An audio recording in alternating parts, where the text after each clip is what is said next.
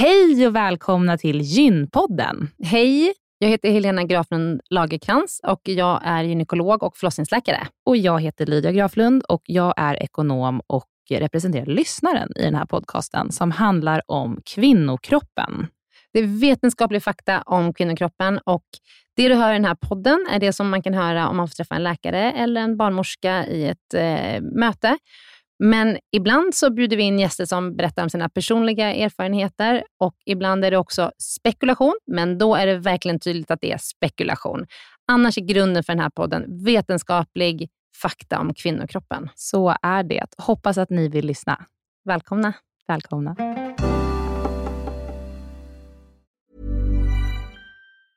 Hey, I'm Ryan Reynolds. Recently, I asked Mint Mobile's legal team if big wireless companies are allowed to raise prices due to inflation. They said yes. And then when I asked if raising prices technically violates those onerous two year contracts, they said, What the f are you talking about, you insane Hollywood ass? So to recap, we're cutting the price of Mint Unlimited from $30 a month to just $15 a month. Give it a try at mintmobile.com slash switch. $45 up front for three months plus taxes and fees. Promo rate for new customers for limited time. Unlimited more than 40 gigabytes per month. Slows. Full terms at mintmobile.com. Den här veckans avsnitt av Gynpodden är sponsrad av Ester Care. Och Helena, det är ju det bolaget, vårdbolaget, som du och jag har varit med och startat, där vi erbjuder digitala vårdmöten med specialister inom kvinnovård. Precis. Och vi vet att det är väldigt mycket vårdpersonal som lyssnar på Gynpodden, vilket vi är jätteglada för. Och vi behöver alltid fler gynekologer till SDKR. Så därför vill vi nu göra en shout-out till alla er som lyssnar ute som vill vara med och förändra svensk kvinnovård. Vi söker specialister inom gynekologi, men också ST-läkare som har kommit en bit in i sin ST och som vill arbeta digitalt eh, med handledning på, hos oss på SDKR. Mm. Och precis som det är för våra patienter som kan söka vård hos oss, det vill säga att de kan bo vart som helst i landet eftersom vi är digitala. Om man laddar ner appen och så bokar man ett vårdmöte, så kan ju även läkaren bo vart som helst i landet eller flytta under tiden man jobbar hos oss. Det är ju väldigt, väldigt flexibelt eftersom eh, man jobbar hemifrån. Och Jag tänker att det måste ju också vara helt underbart att som läkare kunna arbeta hemifrån och planera sin egen tid några dagar i veckan. Ja, verkligen. Och samtidigt vara med och förändra kvinnovården med kollegor som är otroligt drivna och engagerade. Det är jätteroligt att jobba på SDKR. Och jag tycker att det här är en häftig grej som vi gör just nu, att vi erbjuder gyn, äh, gynvård i hela landet. Och vilka är de vanligaste patientmötena du tar, Helena? Ja, men det är ju klimakteriet, eh, PMS, eh, mensbesvär. Och det är ju såklart ärenden och eh, diagnoser som går att hantera digitalt. Men vi remitterar också vidare när det behövs mm. Eh, och tar labbprover när det behövs mm. och så vidare. Mm. Så gå in på sdcare.com, klicka på jobba hos oss i menyn för att läsa mer och skicka in en ansökan. Tack så mycket. Tack och välkomna. Hej, välkomna till Gympodden. Välkomna. Idag ska vi podda om amning. Du har ju ingen erfarenhet av amning Lydia. Mm, nej, det har jag inte. Jag har ju inga ungar. Nej, du har inte det. Men jag har mycket erfarenhet. Jag har ju fyra barn och ammat alla med mer eller mindre stor framgång. Ja, men jag har ju sett er däremot amma. Mm. 13 kids. Ja, så du har ju lite, tycker du, erfarenhet. men vi har ett superproffs. Eh, det, jag, jag vågar nästan säga att det är få i Sverige som har mer erfarenhet än amning än vår gäst. Och låt mig presentera Elisabeth Hjärtmyr. Välkommen Elisabeth. Tack. Du är ju i grund eh, barnmorska. Ja. Men du är framförallt amningsbarnmorska. Mm. Ja, och de senaste åren har du arbetat uteslutande med amning, eller? Ja, typ i 25 år. Okej, okay, ja. då i 25 Så år. väldigt länge faktiskt. Så, herregud. Mm. Ja. ja. Och, eh, och du föreläser mycket om amning och lär ut till andra liksom barnmorskor och andra yrkeskategorier mm. och i hela Europa, eller hur? Inte bara i Sverige? Nej, men wow. mestadels i Sverige. Mest i Sverige. Vill jag mm. säga. Mm. Men så idag ska vi prata om amning och vi tänker att vi ska spela in två poddavsnitt av amning. Eh, det ena idag kommer vi beröra liksom lite mer generella, liksom hur funkar amning om man säger på en generell nivå. Och sen i nästa avsnitt så tar vi lite mera eh, specifika problem, eller hur Elisabeth? Mm, det blir mm. väl bra. Ja. Okej, men då börjar vi.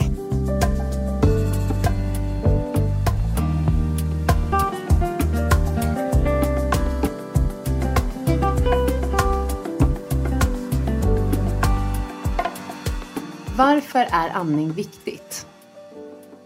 Det är en jättestor fråga förstås. Mm. och eh, jag vill väl börja med att eh, lyfta det här att amning också är ett väldigt skört ämne. Och då blir det ju så också att alla har rätt att ha den kunskap som vi har att bröstmjölk kan vara bra för barnet och även för mamma i långa loppet. Eh, men också att eh, när en fungerande amning eh, är ju någonting ganska enkelt.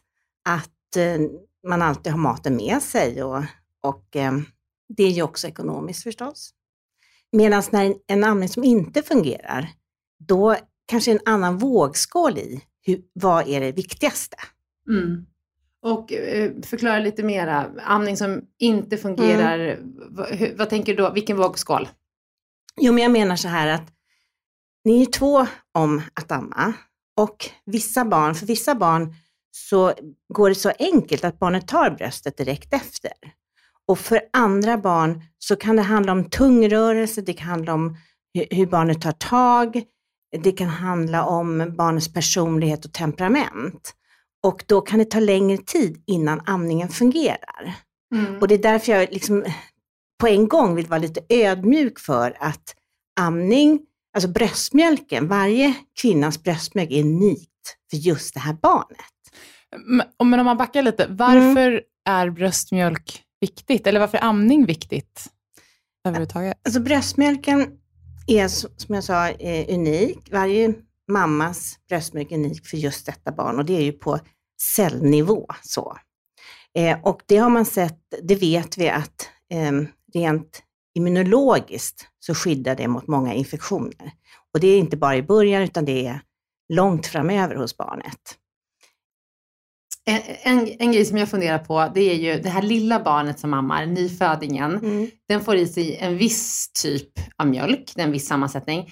Och, och det här sex, eller sex månaders barnet eller fyra månaders barnet äter väl inte så himla mycket mera mjölk, gör den det? Bara att den, det är en annan sammansättning, eller hur funkar det där? Mm. Ja, precis så är det. För ändras alltså mjölkkonsistensen med tiden? Den första bröstmjölken eh, som kommer, som vi kallar kolostrum eller råmjölk, den innehåller massor med antikroppar. Och den är liksom ganska tjock och eh, gulorange nästan och är bara några droppar som kommer. Och sen så, ja, Är det sant? Mm. Så att den här lilla bebisen, den, den, det är liksom några Hur ofta ammar man då? För en, det, det är ganska många droppar, eller?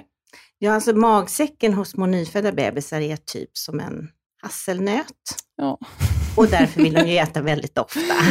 ja. Och de där dropparna, eh, de här, den här råmjölken Mm. är ju så viktig. Och den är ju oftast, alltså man börjar ju oftast amma, eh, försöka få ut den där råmjölken på BB redan, eller hur? Kanske till och med redan på förlossningen ibland innan man har hunnit komma upp till BB. Ja, alltså väldigt många barn tar ju bröstet första timmarna. Och eh, då har de en liksom en liten vakenperiod för att sen kanske sova första dygnet. Och det är helt okej för, för barnet, för barnet klarar sig på sina reserver från magen. Hur länge då? Och sen är det andra dygnet, Mm. då vill de äta ofta jättemycket och jätteofta. Mm. Och- Och sen hur fortsätter det när de liksom blir äldre och hur är konsistensen på mjölken? Jo, men då kan man tänka att dag tre, fyra, fem någonstans, då kommer mjölken i större mängder. Och då blir den här eh, lite mer tjocka råmjölken, kolostrumet, mer eh, vitaktigt och mer lös. Mm. Jo, men ja, det är så, och det är ju väldigt tydligt när mjölken rinner till. Den här råmjölken, den finns ju när bebisen föds. Eh, jag tittar på dig så här, eller hur? Eller Ja, men den finns till och med i slutet av graviditeten. Slutet av graviditeten. Ja. Ja. För jag kommer ihåg när jag fick mitt första barn, jag hade så svårt att börja amma. Dels tyckte Mm. jag inte att hon hade riktigt den här liksom sug, suget efter bröstet, utan hon var rätt nöjd och bara inte äta på bröstet. Mm. Och sen har jag, hade, jag- har jag ganska platta bröstvårtor, så att hon har liksom svårt att få tag då. Och vi jobbade på, och jag, var, jag ska lägga till, lägga till att jag var akutsnittad. Jag var så trött också. Jag orkade liksom inte riktigt liksom, kämpa sådär första Mm. dygnet. Men jag kommer ihåg att min barnmorska, och, också Elisabeth hette hon, på BB där, var, hon kämpade med mig och vi tryckte och klämde på mina tuttar. Och så fick vi ut en liten, liten sån här gul droppe råmjölk. Och då så, så hon, det här Helena, det här är mumma för bebisen. och så liksom förde vi den där gyllene dropparna som att det vore liksom, alltså du vet, in i Agnes Mm. lilla mun då. Och så kände man så här, okej hon har i alla fall fått i sig en droppe. Och det lilla hasselnötsmagen. Det lilla hasselnötsmagen. Men det var, det var verkligen så här, vi, vi, där liksom var det droppar man väntade på Mm. liksom, och kämpade för. Så att det är inte så här att det kommer liksom en deciliter råmjölk direkt, utan Nej, det var Mm. pyttelite. Det är verkligen droppar. Mm. Och det, när barnet suger, då ser man ju aldrig den där råmjölken, för då sväljer ju barnet ner det direkt så. Men hur vet man då att de får i sig? De blir Ja, nöjda Det är eller? en väldigt vanlig fråga Ja. förstås. Just därför. Men det är precis att de blir nöjda efter. Men sen pratar vi mycket mer om, kanske idag, jag vet inte hur gammal Agnes är, men det kan vara så verkligen att vi pratar mer om det här att bröstmjölk stimulera, att handmjölka. Och det gör man då ganska tidigt. Om barnet inte suger från början av någon anledning, kan ju vara precis som du beskriver, att, att barnet inte tar tag, men det kan också vara att barnet har ont i huvudet efter en sugklocka eller mår illa och kräks eller bara somnar efter en tuff födsel. Så.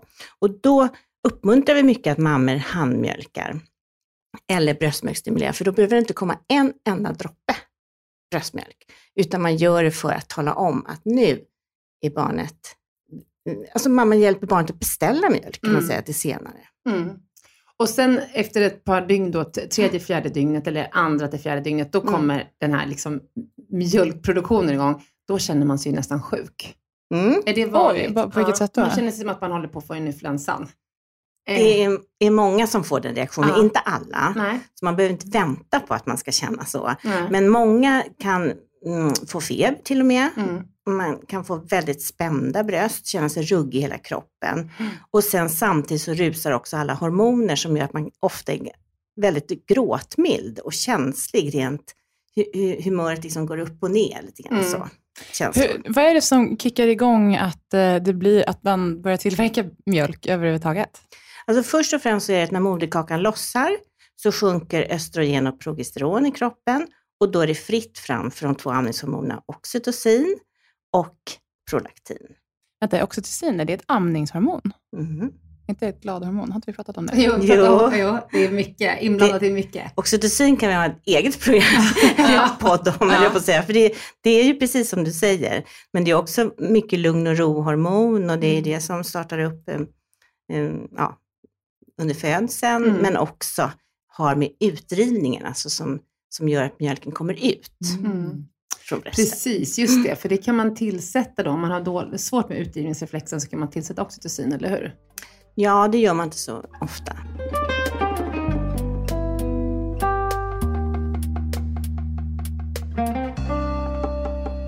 Men Helena, en reflektion då. Om du gjorde kejsarsnitt, lossnar din moderkaka då? Ja. man går inte Jag hem tänkte, om den, nej, men jag tänkte om den gjorde det naturligt, om det där kickar igång då, eller amning. Är det lika lätt vid vaginalfödsel versus kejsarsnitt? Det är också en väldigt bra fråga och Tack. som man, som man, som man eh, eh, tittar på i mycket forskning och så. Och eh, det handlar väldigt mycket om vårdrutiner också, för vi vet ju att om barnen får ligga hud mot hud med fri näsa, så, alltså som en liten groda på, på mellanbrösten kan man säga, så, så vet vi att det också gör att, att det kommer mer mjölk tidigare. Och efter en vaginal födsel, när allt fungerar bra, så eh, kan ju barnet ofta ligga så. Och efter tjej, många, på många kliniker i Sverige så har man idag möjlighet att få sitt barn eh, hud mot hud direkt efter också. Men, och där vill jag säga också på en gång så att det inte blir någon, någon felinformation så, att eh, ha barnet hud mot hud så snart det är möjligt, om man av någon anledning behöver separera så. Mm. Men enbart om barnet ligger hud mot hud så har man sett att då eh, stimuleras just de här amningshormonerna och barnet tar bröstet snabbare och det kommer mjölk snabbare och det kommer mer mjölk och man ammar mer och ammar längre och mindre bröstkomplikationer och så.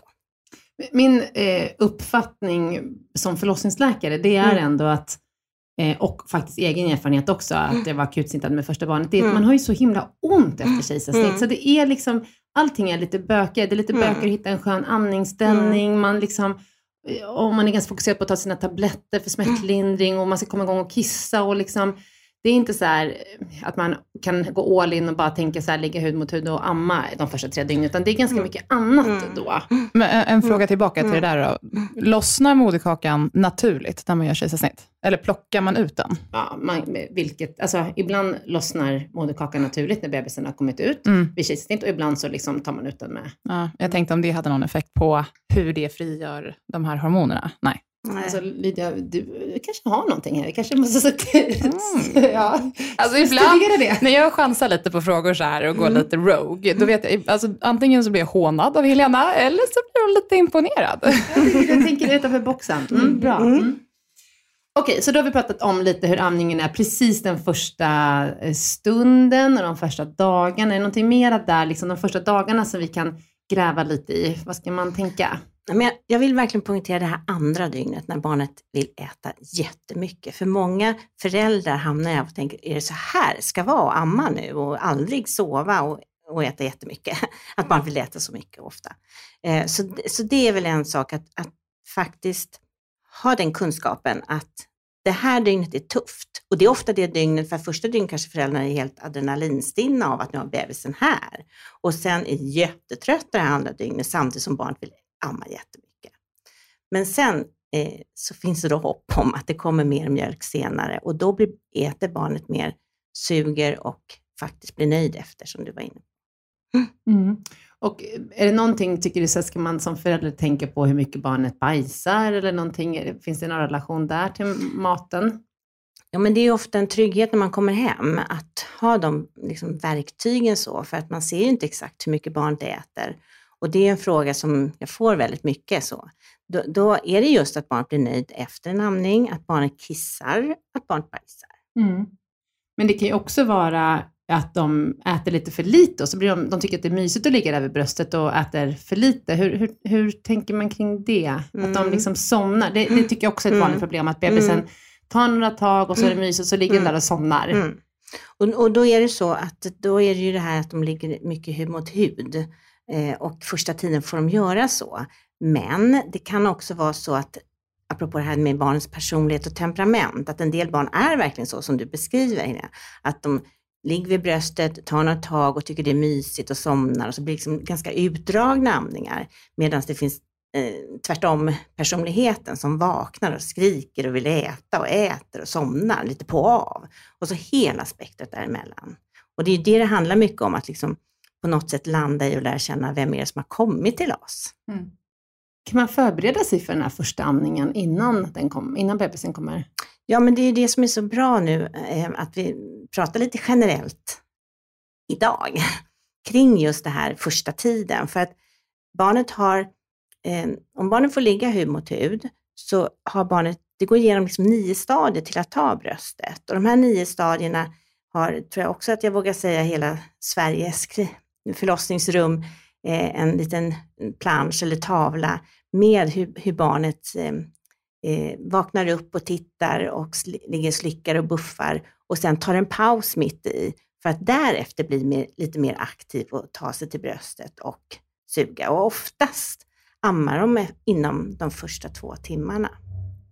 Så det är en av sakerna. Sen är det just det här med barnens amningssignaler som kan vara ganska vaga, att de ligger och hackar med huvudet och slickar på läpparna och buffar, greppar med fingrarna. Att det, är, det är signaler på att barnet är redo att komma till bröstet. Det tycker jag också kan vara en bra sak att veta så att man inte alltid väntar in att barnet skriker. Och sen får vi inte glömma bort att vissa barn vaknar och skriker direkt och då har man inte missat en massa. Det vill jag också säga. Så de två sakerna. Och sen om, det är, om jag bara får lägga till det här om barnet inte tar bröstet i början av någon anledning, att mamman då kan hålla i bröstet som ett C-grepp och bröstmjölksstimulera. Och det behöver inte komma en enda droppe, det vi var inne på lite tidigare, men just det här att hon eh, hjälper barnet att eh, stimulera så att mjölken kommer igång. C-grepp säger du, alltså som Mm. bokstaven C. Ja, man kan Så- hålla U-grepp också och Mm. komma åt olika Hamburgergrepp hette det 2011 när jag fick barn, första barnet. Hamburgare, tänk hur man äter en hamburgare, man liksom håller den som ett C och så, så ska man då pressa liksom Nu visar du Ja, tummen visar jag- uppåt. Ja, men tum, tummen uppåt eller tummen neråt? Ja, det går bra. Det spelar ingen roll. Nej, jag tänker det här måste vi nästan visa, det här måste vi illustrera lite och visa med en film och lägga ut så att man verkligen förstår. Mm. För att det här med handmjölken, eh, det är ju så viktigt just som mina barn som inte har haft sådär jättestarkt sug, alltså de har liksom Mm. inte haft det här sug eh, behovet förrän mjölken finns där. Och det har varit jätteviktigt att man har kunnat veta hur man ska göra den här handmjölken så att man stimulerar brösten Mm. ändå. Mm. Eh, C-greppet, hamburgergreppet. Ja. Det, det kan man ju göra redan under graviditeten. I slutet på graviditeten så kan man ju prova hur det känns. För alla kvinnor har ju olika förhållanden till sina bröst och Mm. hur man känner och tar. Mm. Om man inte vill amma, Mm. vad är de vanligaste orsakerna till det? Alltså vi, vi vet via studier att 97 procent vill amma. Eh, att om det är en, en eh, kvinna redan under graviditeten som uttrycker att hon inte vill amma så förhoppningsvis så, så kan hon samtala kring det med sin barnmorska på, på en barnmorskemottagning. Men det kommer ju också vara möjligt per videobesök att prata kring sin kommande amning om man känner sig ambivalent eller om man har haft en jobbig amning tidigare eller haft en jobbig bröstupplevelse överhuvudtaget tidigare. Du tänker med typ en amningsbarnmorska som du eller någon som inte är ens barnmorska på barnmorskemottagningen? Ja, det eller? kan ju vara så om, om man inte får tillräckligt med stöd av sin Mm. barnmorska på barnmorskemottagningen. If you thought the only way to get a more defined jawline with natural looking results was through surgery, think again. Juvederm Volux XC is a non surgical injectable gel filler that improves moderate to severe loss of jawline definition and can help you achieve natural looking results with little downtime. Even better, this improved definition lasts up to one year with optimal treatment. No maintenance required. Improve jawline definition for a smooth, sculpted look with Juvederm Volux XC. For important safety information and to find a licensed specialist, visit juvederm.com. That's J U V E D E R M.com. Not for people with severe allergic reactions, allergies to lidocaine, or the proteins used in Juvederm. Common side effects include injection site redness, swelling, pain, tenderness, firmness, lumps, bumps, bruising, discoloration, or itching. There's a risk of unintentional injection into a blood vessel, which can cause vision abnormalities, blindness, stroke, temporary scabs, or scarring. Talk to a licensed specialist to find out if it's right for you. Hey, it's Ryan Reynolds, and I'm here with Keith, co star of my upcoming film, If, only in theaters, May 17th. Do you want to tell people the big news? All right, I'll do it. Sign up now and you'll get unlimited for $15 a month in six months of Paramount Plus Essential Plan on us. Mintmobile.com slash switch. Upfront payment of $45 equivalent to $15 per month. Unlimited over 40 gigabytes per month. Face lower speeds. Videos at 480p. Active Mint customers by 531.24 get six months of Paramount Plus Essential Plan. Auto renews after six months. Offer ends May 31st, 2024. Separate Paramount Plus registration required. Terms and conditions apply if rated PG. Veckans avsnitt av Gynpodden är sponsrat av mittpreventivmedel.se som är en informationssida från Bayer. Mm. Jättebra informationssida. Eh, den, den är full av information och material för att du på bästa sätt ska kunna välja vilken preventivmedelsmetod som passar dig allra, allra bäst. Och Det vi tänkte prata om idag det är att det finns något som heter samtalsguide Mm.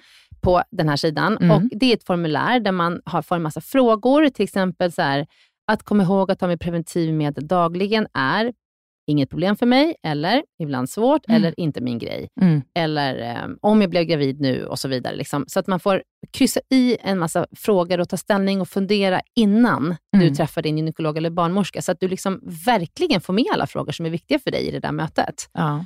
Så man kan fylla i den på den här hemsidan, så kan man skriva ut den här blanketten och ta med den. Ja. Jag skulle säga att, att det verkar som att det är framförallt fyra kategorier som Mm. är väldigt viktiga. Och sen, Mm. så, sen så spelar det ju in vad du har tagit innan och hur det funkat för dig och, Mm. sådär, och din historik. Men det verkar ju som att det handlar mycket om hur liksom ordningsam man är, eller hur strukturerad man är, att kunna ta någonting dagligen. Mm. Eh, hur viktigt det är att man inte blir gravid. Mm. Eh, användning av hormonella preventivmedel eh, och om man vill påverka sin menstruation på något sätt. Mm. Så det verkar som att det är de fyra kategorierna som man, man bör fundera på innan Mm. man väljer ett preventivmedel. Man får bra guidning i hur man ska svara på de här, eh, med olika kategorier och olika svar.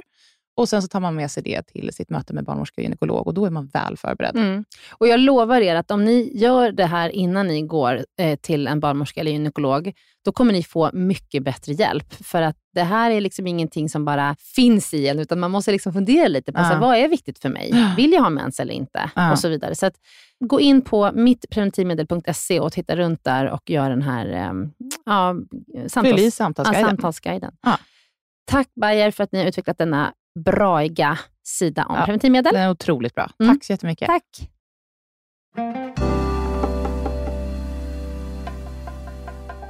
Men vad, vad kan det vara för orsaker till att man inte vill amma? Ja, dels kan det ju vara det jag var inne på, Mm. att man har någon, någon traumatisk upplevelse Mm. eh, sedan tidigare.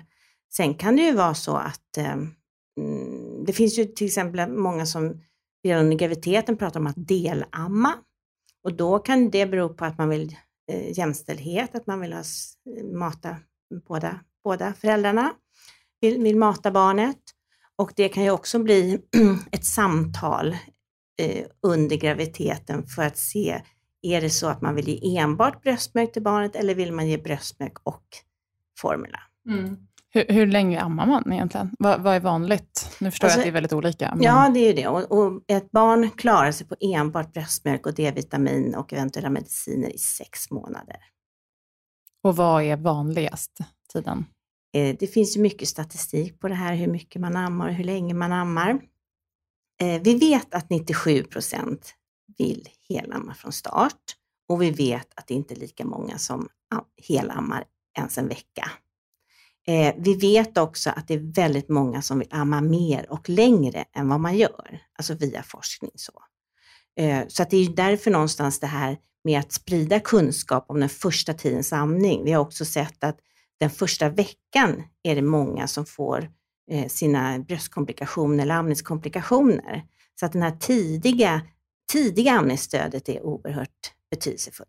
Jag tänker också, en anledning till att inte amma till exempel ett andra barn, det är om man har en dålig amningsupplevelse med första barnet. Mm. Vad har man för tips där? Liksom? Om man tycker man har en, inom citationstecken, liksom en misslyckad amning bakom Mm. sig. Så, för, jag tror att det handlar ju det är en självförtroendefråga. Man tänker så här, jag kan inte amma mitt barn och jag Mm. orkar inte gå igenom den här ångesten det är att inte lyckas med Mm. amningen. Och att man ska, varje gång man går till BVC så har man ju ångest för att Mm. man tänker så här, har mitt barn gått ner nu Mm. igen? Liksom. Va, va, hur tänker du att man ska tänka då? Alltså jag har träffat så många mammor och haft de här samtalen under graviditeten. För att det här är så olika också. En del de har kanske en känsla av revansch istället. Att den här gången vill jag verkligen göra allt jag kan för att det ska bli en fungerande amning. Sen finns det andra mammor som säger, nej jag känner mig tveksam till att överhuvudtaget amma. Det var så mycket kris och kaos och kalabalik kring amningen förra gången så att jag vill bara ha lugn och ro den här gången. Och sen finns det de mammor som känner att jag kanske eh, provar och ser hur det går. Men att delamning eller icke-amning blir också bra. Just det. Och då Mm. handlar det mycket om det här samtalet, att prata om hur var det förra gången, vad har man, mamman för, för tankar och förväntningar den här gången. Och sen också att, att eh, erbjuda den här kunskapen om den här första tidens amning eftersom den har så stor betydelse. N- när ni får in eh, mammor som behöver amningsrådgivning, Mm. vad brukar det handla om då? Vad är det liksom vanligaste ni brukar hjälpa de kvinnorna med? Mm. Det, det handlar ju dels om att vi är med och gör, är med vid en amning. För att barnets läge i famnen kan ha en stor betydelse. Så att barnet ligger riktigt nära i sin mage mot, mot mammans kropp. Så. Eh, det kan vara att man provar olika amningsställningar. Alltså det kan ju vara smärtsam amning till exempel. Det kan vara såriga bröstvårtor tidigt. Men det kan också vara en för liten mjölkmängd, kanske för att man har tillmatat tidigt och kanske för att man har tillmatat på icke-medicinsk indikation som det är på många kliniker i Sverige idag. När ska man tillmata, alltså ge ersättning istället för bröstmjölk? Alltså det finns ju många medicinska anledningar och då om mamman får information om att hon kan bröstmjölksstimulera, om hon får ut några droppar så kan hon först och främst ge bröstmjölken och att sen ge formula eh, så att det blir rätt mängd så att säga. Tillmatar jag som man lägger till ersättning i nappflaska? Mm. Men precis, och det, men jag tycker också om att prata om att man kan också tillmata med mammans egen brö, egna bröstmjölk så, så att man inte tappar bort det. Eh, för att en del kvinnor kan ju få fram, inte större mängder, men, men ändå att det kommer lite. Så då, om man har problem med, kanske, med bröstvårtorna, så, Mm. så kan man pumpa då och sen lägga det i en flaska, tänker man, och så mata bebisen. Ja, alltså då gör man ju ofta så att, att mamma kan handmjölka eller pumpa. Mm. det är jätteolika också hur kvinnor, mm, hur de lättast får ut fram mjölken så. Och sen så ger man oftast med sked eller lite medicinkopp i starten. Så att de inte barnen blir förvirrade, att de tar lite olika grepp om det mjuka bröstet och med nappflaskan. Eh, Eh, hur är det med napp och amning? Är det förvirrande? Ja, den allra, allra första tiden så kan det vara det. Dels det här att, barn tar lite olika grepp, men där tycker jag också att det kan vara lite svårt, man kan missuppfatta att barnen faktiskt vill amma e, igen. Och så kan det vara lätt att man som förälder stoppar in en napp och så blir barnet lugna när de egentligen hade behövt äta lite. Så att den första tiden säger vi att, att eh, helst undvika och är det napp. 14 dagar eller vad är, vad är första tiden? Ja, det här är ju också en fråga som är ständigt man vill ha en, en tid. Men där måste man se på hur amningen fungerar, hur barnet tar det mjuka bröstet. Mm. Och ehm, man avråder väl mer eller mindre från att ge eh, mjölk i flaska om man vill amma, just för att då tycker bebisen att det är svårare att ta bröstet sen, eller hur? Ja, det kan vara så och framförallt den första tiden. Och jag vet att första tiden är lite diffus. Men, men det handlar just om hur amningen fungerar för övrigt, så där måste man nästan ge ett individuellt råd. Så. Men sen är det också med, just med flaskan, så är det inte bara det här hur barnet tar bröstet och flaskan, utan det kan också vara att vissa barn är jättesnabba med att tycka att wow, vad mjölken kommer lätt ur flaskan. Och då vill de inte ta bröstet, då ligger de bara och stickar och tycker att varför kommer det inte lika lätt från bröstet?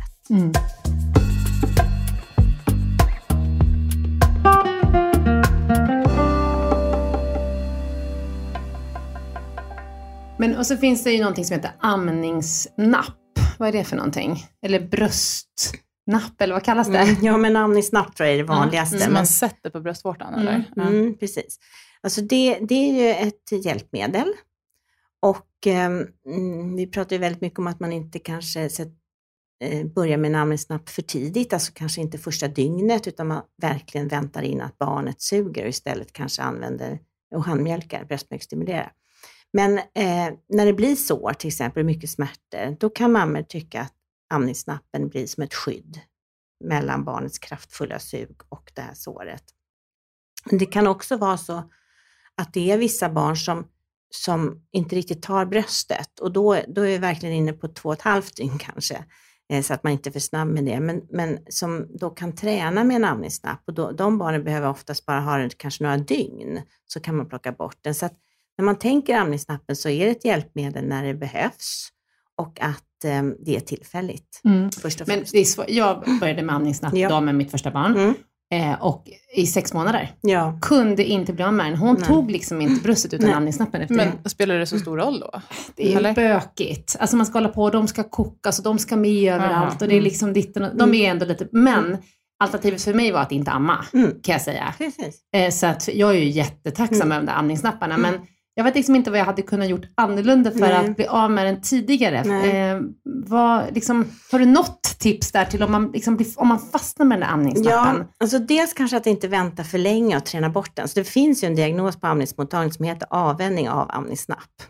Och det är ju ofta för att barnet har vant sig vid den här tydliga bröstvårtan och samtidigt så har mamman tröttnat på att ta med sig den och hittar inte på natten i sängen och sådana saker. Eh, så, så att, så att det, det tycker jag kan vara en sak, att det här hamburgergreppet som du kallar det för, att man liksom stöttar bröstet eh, lite underifrån så att barnet kanske tar det mjuka bröstet, även om det är van vid en amningsnapp, och kanske då tidigare, jag vill inte nämna någon ålder exakt. Har man oftast ett bra och Mm. ett dåligt bröst också? Eller var det bara jag? Nej, men det, det är inte bra eller dåligt, Nej. utan det är ett favoritbröst. Och Men det, det är vanligt eller? Ja, det är vanligt. Och det är ofta så att både mamma och barn tycker att det här, att det går lättare. Och, Och hur kommer det sig? jo, men det är ju så att då ammar man kanske lite mer på det, det bröstet och då blir det mer mjölk. Mm. För det är så att, att mjölken kommer igång, efterfrågan styr tillgången. Ju mer barnet suger, ju mer mjölk blir det. Jag kommer ihåg att dina var olika stora. Att det var, da- att, var det därför? Mm, det kommer inte jag ihåg. Jag kommer ihåg det. Eller så var det någon av våra andra systrar. Men, men att, att, att, kan det vara en anledning? Ja, då är det Nej, för det- att man har mera mjölk på det. Ja, men det är det jag precis, tänker. Precis. Det, det, det, är inte, det är inte bröstets storlek eller utseende, det är inte bröstvårtans storlek eller utseende som gör det, hur amningen blir. Det vill jag också förmedla. Nej, men och eh, om man har gjort någon bröstoperation, det Mm. får man ju ganska mycket frågor om. Mm. Antingen en brö- bröstreduktion Mm. eller en bröstförstoring med implantat. Påverkar det amningen? Om vi tar bröstimplantat så eh, ska man vara lite förberedd på att när mjölken kommer så kan man få en väldig mjölkstas.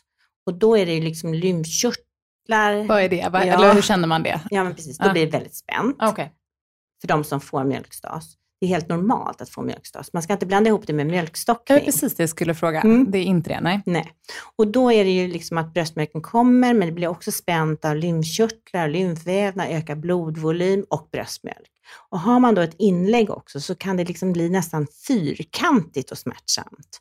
Och det tycker jag är en bra sak att vara förberedd på så att man inte tänker att men så här smärtsamt, det kommer jag inte stå ut med. Utan när den här eh, stasen lägger sig inom ett par dagar så, är det ju, så, så fungerar det bra oftast med implantat. Eh, en reduktion, eh, det beror på lite grann hur man har gjort reduktionen och när och hur mycket och så. Men de flesta mjölkgångar, om man nu har skurit av mjölkgången, det gör man ju inte alltid nu för tiden heller.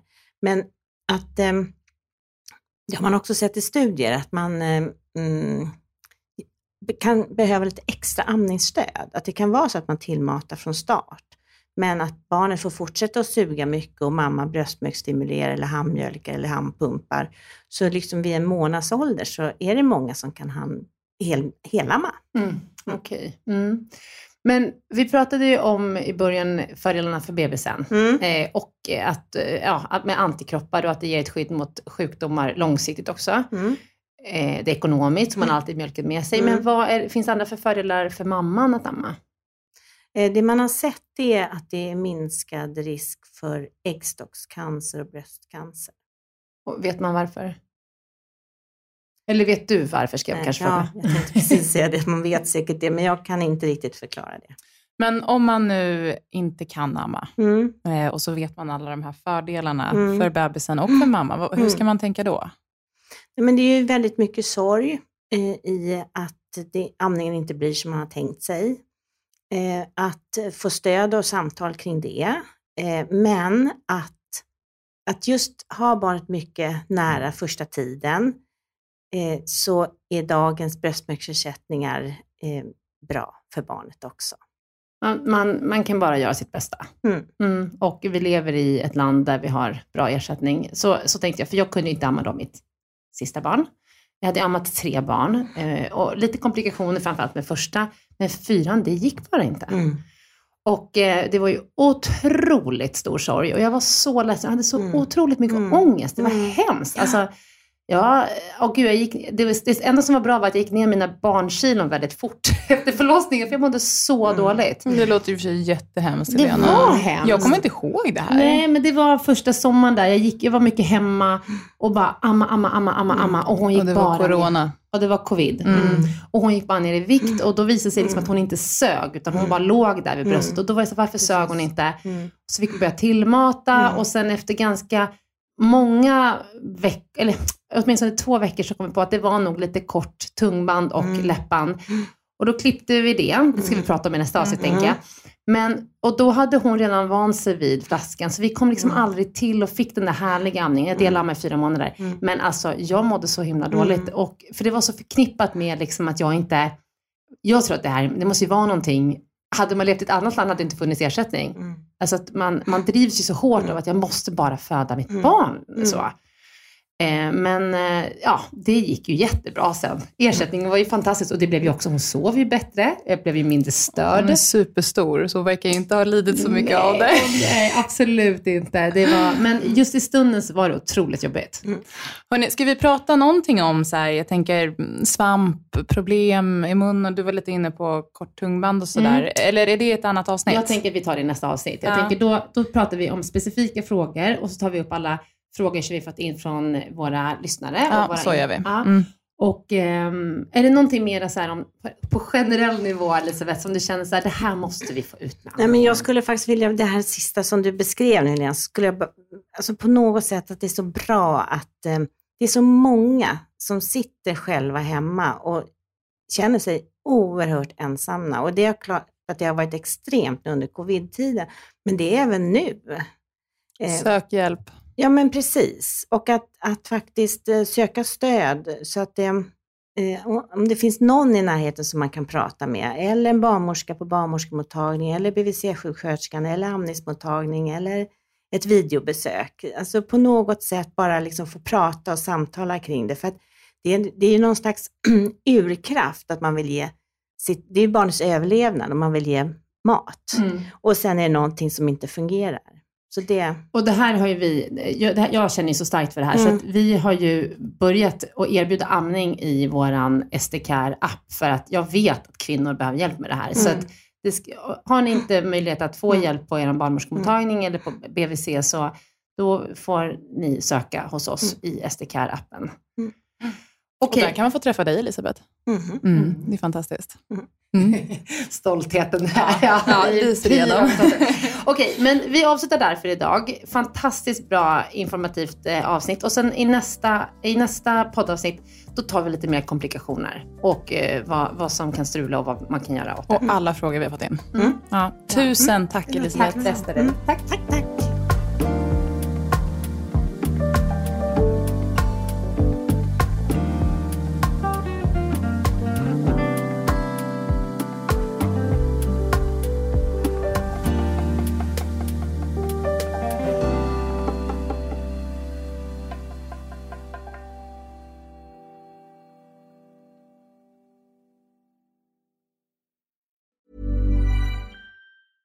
Ever catch yourself eating the same flavorless dinner three days in a row? Dreaming of something better? Well, HelloFresh is your guilt-free dream come true, baby. It's me, Kiki Palmer. Let's wake up those taste buds with hot, juicy pecan-crusted chicken or garlic butter shrimp scampi. Mm. Hello Fresh. Stop dreaming of all the delicious possibilities and dig in at HelloFresh.com. Let's get this dinner party started.